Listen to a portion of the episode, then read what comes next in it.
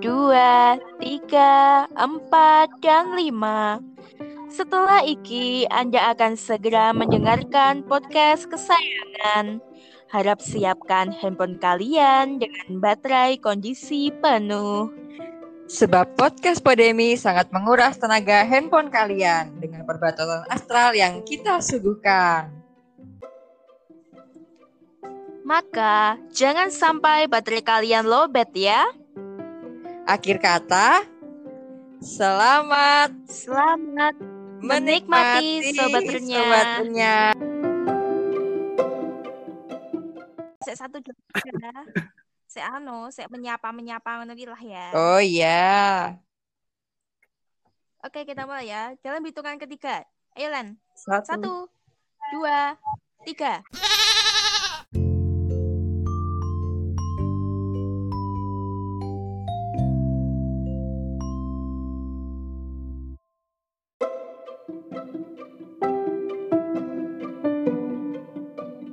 Halo semua teman-teman. Selamat malam para pendengar. Halo Devi. Selamat malam para pendengar. Iya, selamat malam Milen. Akhirnya kita rekaman lagi ya, Pin. Iya. Eh Milen, apakah Iya. suaraku terdengar sangat jelas di sana? Oh, jelas sekali.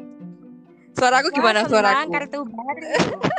Wah, jelas banget dong. Cerah, Iya, merona. hari ini kan tidak ada badai di tempatku, jadi sinyalnya stabil. Sama, tempatku juga terang sekali. Apalagi pakai Telkomsel. Wow, punya ayah anda ya, Pin. Ayo. Oh, puas Tidak satu-satu. Oke, kita mulai aja Milen. Yuk. eh hari ini kita akan membawakan tema tentang apa nih Mil? Jadi temanya hari ini, jeng jeng jeng jeng, kita akan meng- eh, mengangkat tema tentang tentang eh, ekspektasi versus realita. Bener nggak tuh, Pin? Nah, kita hari ini akan membahas mengenai ekspektasi versus realita atau yang biasa di apa? Iya toh? Iya, heeh. Aku tuh cuma mau menyampaikan kita juga ada bintang tamu loh. Senangnya. Nah, kita juga ada bintang tamu. Jadi di podcast kita ini kita akan bahas tentang tema tema ini ekspektasi versus realita yang pastinya kita akan mengundang bintang tamu yang namanya Mas Hajafi Fariza. Uh, lala. Ngomong bintang tamu nih untuk eh, bicara tentang apa cerita sedikit tentang Mas Hajafi ya Len. Mm-mm. Nah, Mas Hajafi ini adalah temanku satu organisasi, yaitu Wow. organisasi FMKP atau Forum Mahasiswa Kecamatan Pado. Wow, Kecamatan Pado mana suaranya? Uh, tempatmu ada nggak FMKP? Eh, tempatmu ada Aku nggak? melu. Maklum ya guys, rumahnya Milan tuh di Iya. pasar. Jadi ikutnya forum-forum pasar. Forum bakul-bakul anu. Bakul-bakul klambi dan awul-awul. Bakul-bakul. Iya, bersama Serontol. nah, itulah sedikit kenalannya dan dia juga lulusan UGM sih, Wow. lulusan UGM jurusan ya, Bin. kayak gitu. Jadi pas banget. Iya, pas banget sama apa tema kita hari ini akan membahas tentang eh, ekspektasi versus realita. Ya, betul sekali. Ngomong-ngomong nih, ki- kita mau dengar suaranya dari Mas Hadafi. Mana dong Mas Hadafi? Halo, halo semuanya. Halo. Wah, halo Mas. Boleh loh Halo. Mas, kenalin. Oke, kan kan tadi udah dikenalin kan? Oh iya, kenalan lagi Mas. Iya, Ah, iya, ini kan Beda Iya, rasanya kalau makasih. dikenalin sama orang sama kenalan sendiri Iya. tuh. Beda rasanya. Oke, oke. Beda halo semua rasa. pendengar eh, podcastnya eh, Devin sama Milen. Sebelumnya, kenalin namaku Hadafi Farisa. Aku dari eh, Gunung Kidul, dari Patok. Eh, aku lulus dari Fakultas Psikologi UGM tahun 2019. Dan saat ini aku sedang bekerja nih eh, di Jakarta, tepatnya sebagai human resource eh, di perusahaannya namanya Shipper. Kurang lebih seperti Wow. Nah, Jakarta pin jauh sekali. Ya. sekarang masnya di mana nih? Di Jakarta apa di Gunung Kidul, Mas? Hmm, aku sebetulnya di uh, Gunung Kidul mas di rumah. oh alah lagi di rumah toh. ya, hmm. Iya masihnya di rumah. Saat ini masih di, Jakarta. Udah enggak sih? Kesepian dong di sana masa pandemi kayak gini. sepi banget nih Jakarta. Tapi tapi for your information guys, pulangnya Mas Ajavi ini sebelum apa? Sebelum diterbitkannya itu loh yang larangan mudik kayak gitu PSBB, sih. PSBB itu. Ah, Dan kemarin ini loh, iya itu ya maksudnya. sempat karantina 14 hari juga sih. Jadi Di, di itu mas, karantina pribadi gitu. Iya betul. Jadi aku aku di rumah aja selama 14 hari. Tepatnya di kamar doang sih selama 14 hari itu. Kayak meskipun ada cheating-cheating dikit gitu lah. Ngecit ngecit kamu Cheating Yun. apa kuwi? kayak curang-curang kayak lucong. Eh, Ning warung sih. Oh. Kayak kowe, ini ning omah Iya, wae iya, malah iya. Heeh, heeh. Iya. Iya. Heeh. Penting kan orang kaya nggo mulen tempatmu kalau tempat Milan itu kalau di Seragen kalau yang pulang itu dikarantina di rumah hantu Mas. Mau coba mau di pin. rumah kosong maksudnya. Enggak, makasih tempatku sudah berhantu soalnya deket kuburan. Ya udah, ya udah tanpa tunggu lama-lama lagi, Hmm, kita eh, ini aja ya, kita lanjut aja ya. Boleh, boleh. Ah. Nah, uh-uh. Di podcast kita kali ini, seperti biasa, kita akan menyampaikan beberapa pertanyaan Hmm. yang nanti bisa kita sharing bersama-sama ya, guys. Kita bisa cerita-cerita tentang pengalaman kita, tentang hal-hal yang mungkin masuk dalam pertanyaan itu tadi, kayak gitu. Jadi di sini kita udah nyiapin berapa pertanyaan, Ada Bang? seribu pertanyaan ya Allah, nek kuat jawabnya seribu pertanyaan. Enggak mas cuma lima. Aja, aja, PHP toh. Harus kasih foto kucing tuh nek seribu pertanyaan. Cuma lima kok mas. Oke oke siap siap. Ini nggak dinilai mas, jadi tenang aja mas. Iya. Oke. Oke, next. Next, next, next. Oke. Jadi Di sini- sebelum Kita tadi ah, Mas. Mas. Oke, lah. Jadi- lanjut, Mas. ya sih Pin. Hmm. Jadi sebelum eh, kita lanjut ke lebih mendalam mengenai eh untuk membahas ekspektasi versus realita ini. Nah, kita tuh mau tahu sendiri dong, eh, mau tahu dong Mas. Sebelumnya eh ini kan bahasnya masuknya juga ke kayak ke teorinya Roger itu yang real self sama ideal self. Nah, itu eh, maksudnya real self sama ideal self sendiri itu apa ya? Bisa jelasin lebih gitu biar nanti terbuka sama pikirannya. Oke, Devin sama Milan uh, dan semua pendengar. Jadi uh, sebetulnya ini menurut pendapatku sendiri ya, maksudnya aku menggaris di awal dulu. Ini aku uh, menurut pendapatku sendiri dan apa yang aku dapat ketika aku dulu, dulu kuliah, ketika ada mata kuliah uh, teori kepribadian namanya kalau di psikologi dulu. Uh, jadi Roger uh, pada dasarnya Roger itu uh, punya apa ya pendapat semacam pendapat itu bahwa manusia itu tujuan hidupnya adalah untuk aktualisasi diri. Apa itu aktualisasi diri? Dorongan instinktif untuk memenuhi potensi uh, manusia sebagai makhluk yang unik. Bahwa manusia itu unik dan uh, berbeda, semuanya uh, punya potensinya masing-masing. Kurang lebih seperti itu. Nah, uh, sebetulnya uh, tujuan aktualisasi uh, dari setiap manusia itu tergantung pada uh, lingkungan dia atau nurture kalau di psikologi namanya sama di uh, nature atau bawaan dia dari lahir.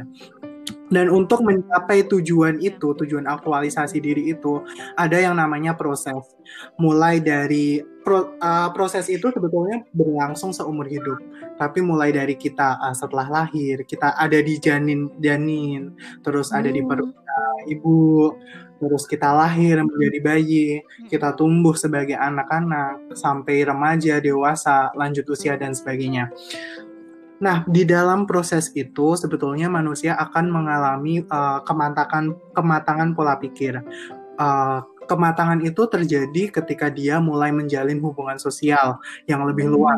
Uh, contohnya mulai uh, ketika dia bayi ada interaksi sama orang tua dulu, terus setelah itu ada interaksi dengan teman sebayanya, mulai ke lingkungan dan lain sebagainya terus dia mulai merasakan uh, cinta kasih sayang dulu dan lain sebagainya. Hingga akhirnya uh, pengalaman itu ada mereka mendapat uh, manusia mendapat pengalaman dari lingkungan. Dari uh, ketika mereka uh, beraktivitas bersosialisasi dan sebagainya. Nah, di dalam proses uh, menuju aktualisasi diri itu, ketika uh, ketika mulai dari bayi sampai dewasa dan lain sebagainya itu uh, dia melakukan uh, penggambaran diri. Melakukan dia menggambarkan dirinya sebagai uh, apa atau bagaimana. Karena dia uh, mencontoh dari lingkungannya dia juga uh, dia juga punya pengalaman sendiri. Dan pada akhirnya uh, ada case-case tertentu yang menyebabkan ketidakharmonisan antara hmm. apa ya uh, sebagai di, dia sebagai dirinya sendiri atau real self real self dan uh, oh. dia sebagai apa yang dia inginkan okay. real self nah, yang lebih mungkin sebe seperti itu sih jadi ibaratnya kayak real self itu adalah diri kita yang saat ini dan ideal self itu yang ingin kita harapkan. Jadi kayak real self itu realita dan ideal self itu adalah ekspektasi yang kita inginkan dari diri kita kayak gitu ya Mas ya. Ya betul, kurang lebih seperti itu. Dan uh, real self sama ideal self sebetulnya dibentuk uh, bisa dari bawaan kita sendiri, uh, bisa dari genetik kita sendiri, ataupun uh, atas dasar pembelajaran lingkungan kayak gitu. Jadi kita menentukan, uh, kita menentukan, misal kita menentukan suatu uh, kondisi ideal kita itu karena kita uh, meniru seseorang gitu misalnya nah itu juga bisa uh, bisa saja terjadi gitu sih kurang lebihnya hmm. oh iya ya oke oke jadi jadi real self itu sendiri atau real self itu bisa terbentuk dari yang seperti mas yeah. bilang tadi ya Len dari lingkungan dari apa uh, relasi sosial mulai gitu. dari betul, hal yang betul, kecil betul. Hmm. Sebagai contoh gini misalnya, uh, misal uh, sebagai contoh uh, aku terlahir di keluarga yang sederhana, tapi saat aku melihat temenku ketika aku di TK misalnya dia kaya kayak gitu. Nah aku bisa jadi aku pengen terlihat kaya karena aku meniru temanku itu karena aku lihat temanku itu gitu sih. Jadi jadi kayak ideal selfnya itu terbentuk gara-gara uh, lingkungan sekitarnya gitu ya Mas ya? Iya betul, exactly. Hmm, Jadi misalnya aku nih lihat, aku lihat Devin, wah Devin ini apa namanya Devin ini body goals banget ya, terus aku jadi pengen kayak Devin gitu ya ceritanya ideal selfku tuh pengen tujuannya kayak Devin padahal realitanya iya. aku uh, apa kurang berisi kayak gitu ya Pin ya kayak ada kesenjangan gitu antara real self sama ideal self Iya, gitu. Iya, betul, betul. Contohnya seperti itu juga. Iya. Oh iya. Uh -uh. Oh ya, aku mungkin juga uh, ada pertanyaan sedikit, tapi uh, di luar ini ya sedikit aja. Jadi kita sering banget menemui kasus di mana banyak anak-anak remaja masa kini nih yang dia tuh sebenarnya tuh uh, bukan dibilang nggak mampu atau gimana ya sebenarnya tuh mereka tuh sederhana. Tapi ketika mereka bersama lingkungan yang mungkin uh, lebih high class daripada hmm. dia dia tuh seolah-olah pengen meniru gitu loh. Jadi kayak mungkin ada hubungannya ya kayak realitanya tuh sebenarnya dia kayak gini tapi karena dia mengikuti lingkungannya itu sehingga terbentuklah ideal self yang mana dia ingin seperti uh, teman-temannya. Iya gitu betul. Ya. Jadi uh, ideal self itu bisa terbentuk di society. Uh, ketika kita bergaul sama uh, kelompok A misalnya, kita kita bisa jadi ingin seperti kelompok A gitu. Ketika kita bergaul sama kelompok B gitu misalnya, kita bisa jadi juga ya ingin seperti kelompok B. Jadi uh, ideal self juga dipengaruhi oleh society juga sebetulnya. Hmm. Oke okay, mas. Jelas banget ya Allah Vin. Terus ini nih, aku mau uh, tanya juga. Ini kan jadi tadi hmm. kayak misalnya nih, kalau kita punya uh, ideal self kita uh, tadi kayak contohnya masnya nih lahir di keluarga sederhana, terus hmm. kayak berkumpul sama teman-teman yang uh, apa dari keluarga kaya. Nah itu kan jadi kan kayak ada timbul ideal self pengen jadi kayak uh, orang kaya tersebut. Nah di situ kan pasti kita kita yang uh, realnya kayak gini berusaha untuk mengejar ideal self kita yang seperti itu tadi. Nah itu kalau misalnya nggak kekejar kayak gitu apa sih mas dampak yang bisa ditimbulin tuh mas? Uh, jadi kalau menurutku pribadi ya, kalau dampaknya bisa bisa dua hal sih sebetulnya.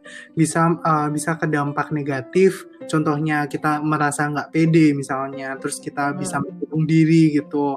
Bahkan sampai uh, bisa jadi kena sama mental health-nya kita gitu. Kayak hmm. bisa pikiran buat suicide, suicide atau bunuh diri gitu.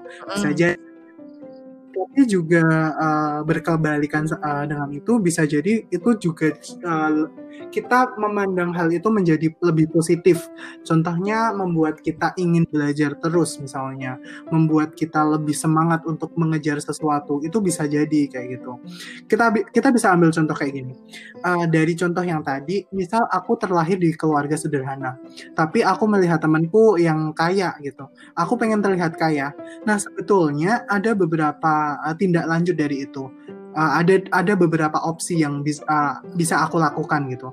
Misalnya uh, yang pertama aku bisa pulang ke rumah terus uh, bilang ke orang tua tanya kenapa kenapa ma apa uh, kita nggak kaya kayak gitu. Terus kita kayak cuma nangis nangis doang kayak gitu. Uh, kayak menyesali hal itu gitu. Itu bisa terjadi kayak gitu. Terus yang kedua uh, misal aku pulang ke rumah nih uh, kondisi yang kedua aku pulang ke rumah tanya ke orang tua mah bagaimana cara agar aku bisa kaya? Kayak uh, kayak temanku itu kayak keluarganya temanku gitu Nah, aku ditunjukin sama orang tua nih, ya kamu harus belajar, bekerja keras dan lain sebagainya. Nah, sehingga aku bisa uh, termotivasi dari hal itu, dari case itu, aku belajar, belajar dan bekerja keras dan nanti bisa sukses kayak gitu. Jadi sebetulnya nggak uh, ada salahnya kok uh, real self uh, kayak kayak bagaimanapun itu nggak ada salahnya. Yang penting tinggal bagaimana kita uh, bisa mensikapi hal itu dan tetap fokus untuk uh, mengaktualisasi diri kita mencapai uh, goals goals yang kita punya kayak gitu. Gitu sih mungkin pendapatku. Anu ya, Vin. Jadi kayak okay. jadi kayak bisa diambil positifnya juga nih. Jadi kalau misalnya kita punya keinginan, kita punya tujuan itu jadi bisa jadi kayak motivasi buat kita buat ngejar yeah. Iya. uh, ideal self yang kita inginkan kayak gitu ya. yeah, betul. Jangan malah kayak uh, tadi misalnya contoh jeleknya. Nah. Yang tadi ya nggak bisa nerima akhirnya dia bisa suicide. Jadi itu tergantung orangnya ya, Mas, tergantung pribadinya masing-masing menyikapi uh, ideal selfnya sendiri-sendiri kayak gitu ya, Mas ya. Iya betul tergantung pribadinya gitu ya. orang uh, masing-masing sih kalau menurutku. Kalau kamu pin cenderungnya hmm. kayak gimana sih pin kalau kamu hmm, hmm, menyikapi ideal selfmu tuh kayak gimana pin? Kalau aku ya, aku tuh pernah memiliki ideal self yang sebenarnya mungkin itu tuh uh, di luar kemampuan. Apa tuh contohnya? contohnya? Gimana kayak contohnya ya kayak kemarin nih aku aku tuh dari kecil punya cita-cita hmm. pengen jadi hewan yeah. tetapi ternyata aku memang tidak tidak pas di bidang itu kayak gitu karena dengan dibuktikan bahwa aku itu lebih ke kegiatan apa ke ilmu-ilmu sosial kayak gitu hmm. terus kegiatan hmm. sosial dan lain-lain intinya lebih ke apa ya ke pengabdian yeah. kayak gitulah ya kayak gitu Nah, dari situ, dari masa kecil itu, aku punya cita-cita dokter hewan. Akhirnya, uh, aku kan meng masih menganggap bahwa perspektif uh, seorang dokter hewan tuh pasti wow banget gitu loh di diri kita gitu. Tapi lama kelamaan setelah aku menyadari itu, apa menyadari bahwa diriku tuh memang kayaknya nggak pas deh kalau di bidang ini kayak gitu. Semenjak di SMA sih aku sadarnya kayak gitu. Nah, akhirnya setelah lulus dari SMA itu, aku lanjut ke kuliah, aku gantilah berkaitan dengan sosial-sosial kan. Aku mikirnya sosiologi atau psikolog kayak gitu kan. Nah, daftarlah aku ke psikolog, tapi ternyata nggak masuk juga. Dan akhirnya aku masuk di konseling. Nah, di sini aku mulai, uh, di sini aku mulai apa ya, uh, mengatur lagi pola pikir aku. Di mana aku tuh terlalu berpengharapan tinggi banget gitu loh. Sedangkan kenyataannya aku tuh sebenarnya tuh hanya mampu di sini. Tapi bukan berarti itu aku menyerah gitu loh. Tapi ya memang Kayak harus- itu emang di situ. Jadi mau nggak mau Jadi kamu kayak harus itu ya nye- nyeimbangin keinginan sama kemampuan kamu juga kayak gitu ya Bin ya. Iya. Ya, betul. Jadi dari situ aku eh, eh, mulai menyadari bahwa oke, ini ini aku, ini jalanku dan aku harus menerima ini sebagai kenyataan atau real self aku. Aku harus melupakan ideal selfku yang dulu dan aku harus menjalani real selfku dengan baik dan gimana pun hasilnya entah baik atau buruk pasti itu eh, udah Eh. rencana Tuhan yang terbaik buat aku. Jadi- gitu lah. Ya, Diambil dari sisi ya. positifnya ya, Pim. Berarti nggak sampai kayak ada eh, nggak sampai down atau sampai atau kayak gitu ya, ya. Mbak. Mm-mm. Iya, mm, tapi aku juga kaget loh tadi untuk pernyataan apa gimana kalau kita Iya. enggak sesuai dengan ideal self kita gitu loh. Terus ada sampai pernyataan suicide Mm, kan suicide kan nanti Iya, betul. diri Iya. ya.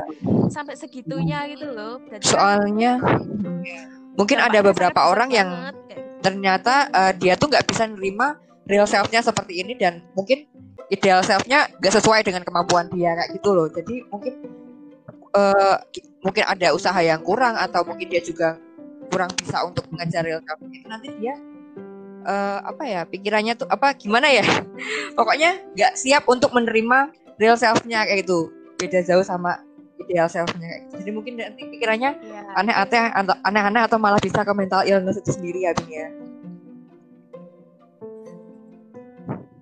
mm, mm. Betul, betul banget. Oke, kita lanjut aja ke pertanyaan berikutnya ya, Len. Oke, buat Siap. Mas Hadapi. Pertanyaan yang ketiga. Oke. Pertanyaan ini ya mungkin bisa bicara lebih ke efek ya. Jadi pertanyaannya itu apa sih efek terbesar yang mungkin bisa terjadi dan bisa berpengaruh dengan kesehatan mental kita, Mas? Kalau eh, apa tidak kongruen si itu kong- apa congruence real self-nya kita dan uh-uh, dan ideal self-nya kita itu nggak kongruen kayak gitu. Apa yang terjadi dalam diri kita yang bersangkutan dengan mental Oke, berarti kita? uh, apa yang uh, akibat dari incongruen uh, uh, incongruensi antara real self Ah. uh, sama self gitu ya. Oke. Uh, kalau menurutku ya, kalau menurutku uh, dampak buruknya itu bisa bisa tadi ke mental health kita, ke kesehatan mental kita. Bahkan mungkin uh, kalau kita tidak bisa menerima real self kita, ketika uh, kita misal udah usaha keras nih, usaha keras uh, sampai untuk mencapai uh, ideal self kita, tapi kita belum bisa mampu, uh, belum bisa jadi uh, ke ke menyakiti diri sendiri bahkan bunuh diri itu bisa saja terjadi kayak gitu. Nah kalau menurutku uh, itu uh, salah satu dampak dari dari uh, i- uh, incongruensi tadi. Kita sebetulnya hidup hidup di dunia ini kita kan berproses ya maksudnya proses belajar dari mulai yang aku bilang dari mulai uh, kita bayi hingga dewasa kita belajar terus di situ. Nah di situ uh, ada ketika kita bisa mengambil uh, se- setiap pembelajaran dalam proses itu, itu yang akan menjadi bekal kita dalam menghadapi incongruensi antara real self sama ideal self. Jadi menurutku keduanya uh, sekali lagi real self sama ideal self itu bisa dipengaruhi oleh bawaan kita ataupun oleh lingkungan kita. Misal misalnya gini, uh, kita punya mata coklat bisa jadi karena garis keturunan kita dan itu susah untuk dirubah dan itu itu real self yang harus uh, kita pahami yang harus kita syukuri kayak gitu. Meskipun kalau misal kita punya uh, mindset sukses itu uh, harus punya mobil. Kalau di orang desa kan kayak gitu biasanya kan. Sukses harus punya mobil. Nah itu juga bisa jadi timbul karena penilaian dari society. Jadi uh, society atau masyarakat membuat ukuran kesuksesan sendiri kayak gitu. Nah kalau kita uh, kalau menurutku ya kal uh, apa yang terjadi dan sebetulnya itu bisa dikontrol oleh kita, tergantung kontrol dari kita sendiri. Nah, kontrol itu didapat dari misalnya pengalaman kita, terus misal ada enggaknya support system yang bagus kayak gitu, yang menyemangati keluarga yang harmonis, ada enggak uh, mungkin dari lingkungan teman yang support kita. Nah, itu juga penting. Dan itu uh, mempengaruhi juga bagaimana kita menyikapi inkongruensi antara real self sama ideal self gitu sih kalau menurutku. Oke oke. Oke, berarti intinya support system itu sangat dibutuhkan ya untuk menunjang itu loh. Iya betul. Kayak gitu. Perlu banget. Hmm, betul. Kamu punya support system nggak, hmm. Devin? Ah, support oh, systemku banyak kamu sekali. Enggak, aku tanya kamu dulu. Aku tanya yeah, kamu dulu. Support kamu ada banyak sekali, apalagi kalau di lingkungan kampus tuh. Ya kamu kan juga support system ini, mood sekali kalau ketemu kamu tuh. Ya ampun. Yeah. Kayak lagi ya, betul. Aduh, rasanya seperti dunia milik misalnya, kita bersama. Uh, lagi ada Kalian pacaran ya? Hmm? Gimana Mas? Enggak, Mas. Iya, misalnya tidak, tidak kita ini hanya yeah. sejoli yang tidak memiliki status apa-apa. Oke, balik ke topik, balik ke Iya. Kalau Mas Hajavi, Be kalau iya, Mas Hajavi. Uh, uh, balik ke topik. Kalau Mas Hajavi nih. Kalau Mas Hajavi mm -hmm. sendiri uh, tadi ya. uh, mengalami uh, ketidaksesuaian antara real self dan ideal self yang mana bisa berpengaruh sama mentalnya Mas Hadafi uh -huh. itu sendiri. Oke, okay, mungkin uh, kalau aku ya, kalau aku uh, kalau sampai yang uh, terpuruk, sampai yang sakit banget harus ke psikolog itu belum pernah sih. Dan mungkin jangan sampai ya, jangan sampai kayak gitu. Nah, kalau untuk perbedaan ekspektasi atau realita uh, real self sama ideal self pasti ada aku dulu uh, ketika aku habis wisuda, ketika aku harus mencari pekerjaan gitu kan, uh, kayak di pikiranku ini aku pengen be bekerja di perusahaan yang gede, perusahaan yang uh, bonafit, yang namanya terkenal dan lain sebagainya. Tapi pada akhirnya, uh, pada kenyataannya, sorry, pada kenyataannya waktu itu aku uh, hanya keterima di perusahaan kecil yang itu uh, orang nggak tahu itu perusahaan apa kayak gitu. Nah dampaknya sebetulnya uh, aku awal-awal gitu kan kayak ya ampun ini aku terima atau enggak? Ya aku gimana ya nanti kalau uh, pendapat teman-teman dan lain sebagainya lah pokoknya. Ada rasa rasa uh, shock dan lain ada rasa shock kecewa kayak gitu. Tapi so far uh, menurutku aku bisa mengatasi hal itu. Kenapa? Karena di, uh, di, di saat itu ada keluargaku yang support. Maksudnya ya udah ambil aja dulu. Nanti juga uh, ketika seiring ber, berjalannya waktu pasti ada ada ada something lah nanti kayak gitu. Terus teman-temanku juga support. Teman-temanku aku aku curhat sama teman-temanku terus dia bilang ya udah ambil aja. Go ahead. Kayak gitu. Itu jadi uh, kedua hal itu salah satunya bisa jadi pemicu aku untuk ya udah oke okay, aku ambil terus saat aku di sana aku bekerja lebih keras dibandingkan orang lain, aku di sana belajar dan aku uh, terus berusaha kayak gitu. Nah, ini aku mau sharing aja uh, hmm, bukan jualan sih kakak aku sempat baca buku namanya boleh, Uh, bukunya itu namanya yang on top uh, karyanya namanya Billy Boone kayak gitu. Nah hmm. itu isinya menurutku aku bagus menurutku bagus banget. Isinya kayak ada value-value gitu loh yang bisa improve uh, soft skill kita. Kayak value on time terus uh, value bersyukur kayak kayak gitulah pokoknya kalian harus baca buku itu sih. Dan uh, menurutku karena buku itu juga aku juga bisa jadi survive untuk saat ini. Dan pada akhirnya kini uh, di companyku yang saat ini aku aku seneng aku bisa bekerja di uh, startup yang menurutku keren startupnya kayak gitu. Dan aku aku pun uh, senang untuk menjalani hal itu gitu gitu sih kurang lebih cerita cerita inkongruensiku dulu wow Wah, keren ya. Siut aku keren banget ya. Aduh. Ya, aku mikirnya ya aku juga ciut. Jadi aku mikirnya kan Mas Hadi Mas Hajavi ini kan orangnya kan Aduh. Gitu. Nah, dia tuh juga dulu tuh juara juara juara umum ya pas SMA ya, Mas.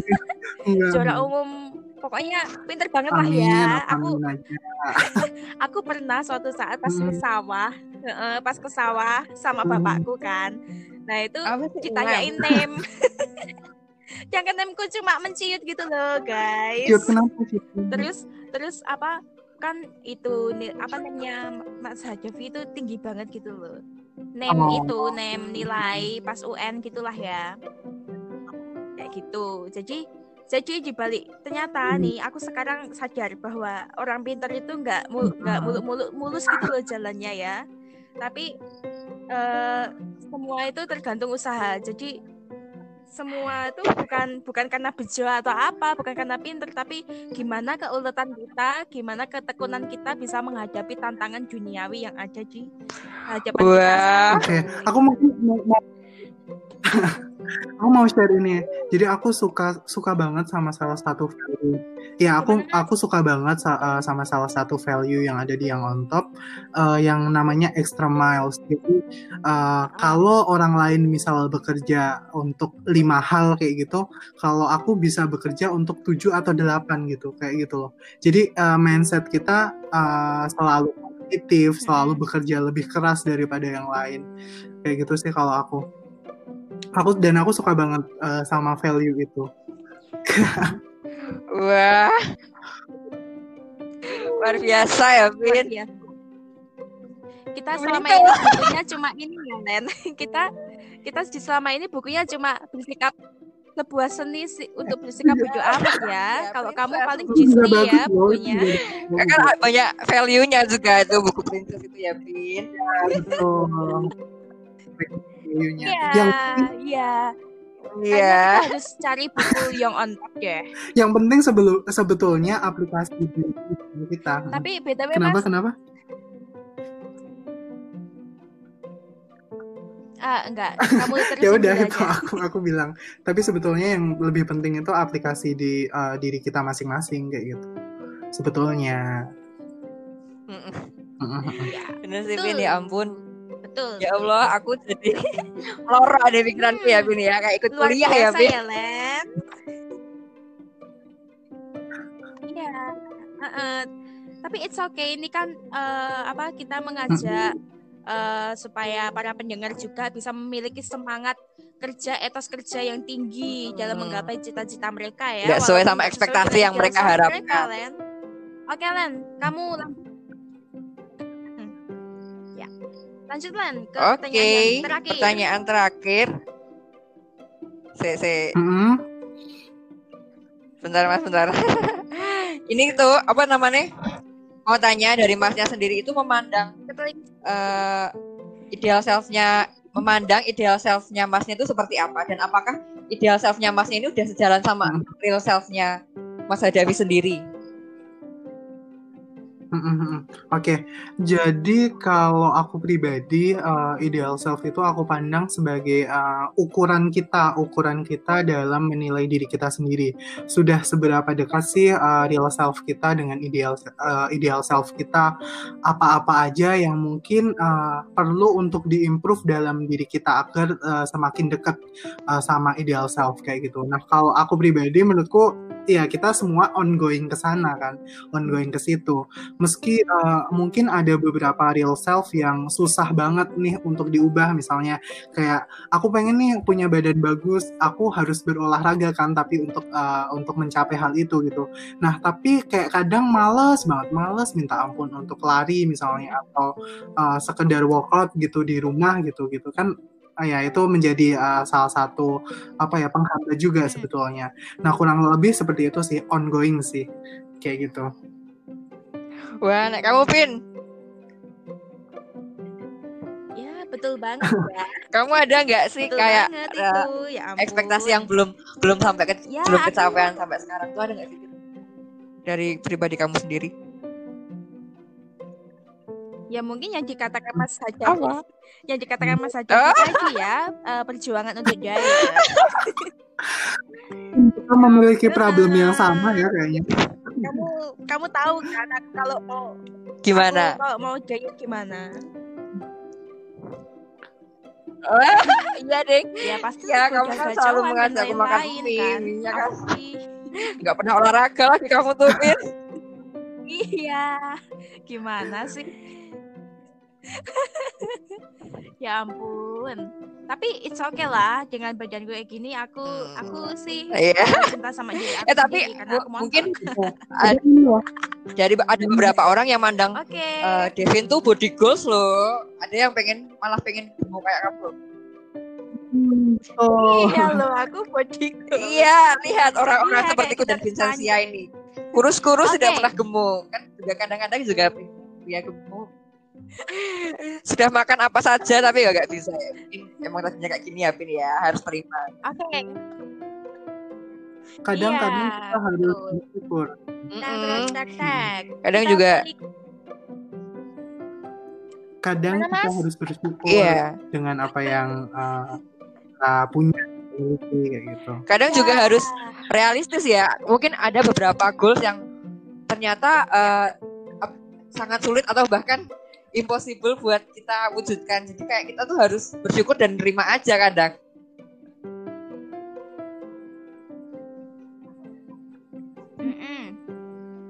Betul, Oke, Pin. bener banget. ada yang mau ditambahin, Pin? Kamu ada mau ada pertanyaan lagi nggak? Aku sih ak- dari aku sih udah cukup. Hmm, udah deh, ada aku pertanyaan lagi nggak? Oke, berarti ya. Udah ya. Oke, Mas Adafi. Ah, sebelum kita masuk Oke. ke penutup nih, kira-kira pesan Mas Adafi buat teman-teman pod- Podemi di sana untuk lebih bersyukur dengan reality Mm-mm. yang ada saat ini itu pesan kualitas dari Mas Adafi itu bolehlah kita kita dengarkan dan Mas Adafi bagikan biar kita semakin semangat kayak gitu. Oke, uh, bingung sih Vin sebetulnya uh, mau ngomong apa. Karena mungkin banyak yang harus Moto di-share kayak lah. gitu. Moto Yang hidup. mau mau share kayak gitu. Nah, kalau aku mungkin Iya. ya setiap orang hidup harus punya tujuan jadi kita harus uh, punya goals kita masing-masing dan harus uh, bekerja keras untuk mencapai hal itu dan jangan lupa untuk bersyukur itu sih mungkin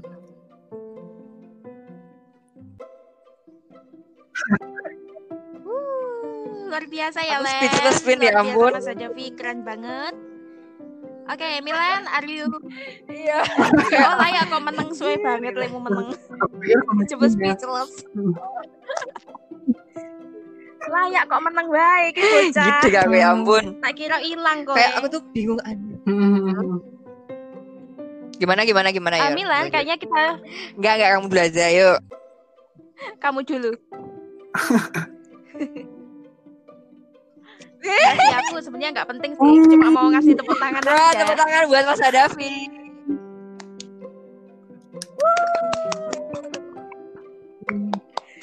Keren, keren, keren. Apa Len? mau Kamu mau, tadi menyampaikan, mau menyampaikan eh, apa? Mungkin dari podcast kita hari ini tuh semoga eh, bisa mengedukasi teman-teman yang denger ya, Pin ya. Bisa kayak memberikan pengetahuan kayak memberikan pengetahuan yang lebih buat eh, para pendengar. Amin. Jadi, jadi apa yang kita lakuin ini juga bisa bermanfaat buat yang lain, kayak gitu loh, Pin. Amin. Ya, betul. Sama yang kayak dikatakan Mas Hadafi tadi, kita supaya lebih bisa bersyukur dengan real self yang Mm-mm. uh, udah Jadi sekarang aku akhirnya tahu kenapa yang kenapa terjadi eh, kayak gitu apa? ya. kenapa kalau nggak sesuai ekspektasi kita tuh rasanya sakit banget ya Pin ya.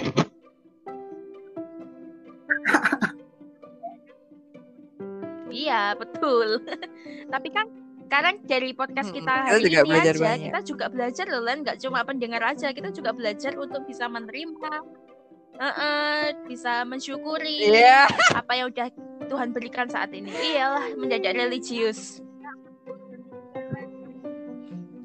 Oke. Ya, udah 40 menit Saatnya guys. kita berpisah nih teman-teman. Mungkin. Mm-mm. Oke, terima kasih ya. Makasih Mas Iya, Adafi Iya, terima kasih. Kita sudah mau datang ke acara kita ya. Terima kasih Mas Hadafi.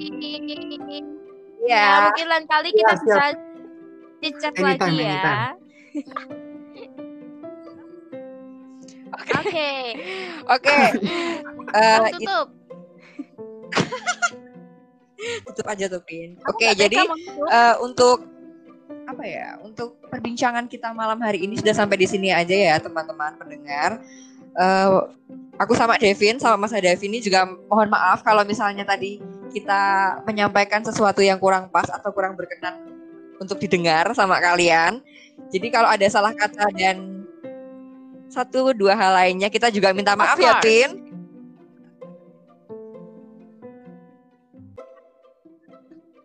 Kita mohon maaf Iya. ya sebesar-besarnya, Biasanya tapi kita kan kita rekor loh bang. Hari ini kita nggak bisa nyeplos sampai ke sana sini kebun binatang bos semua. Ya. Oke, kalau gitu kita tutup aja ya, Bang, sama Mas Hadafi. Terima kasih untuk waktunya.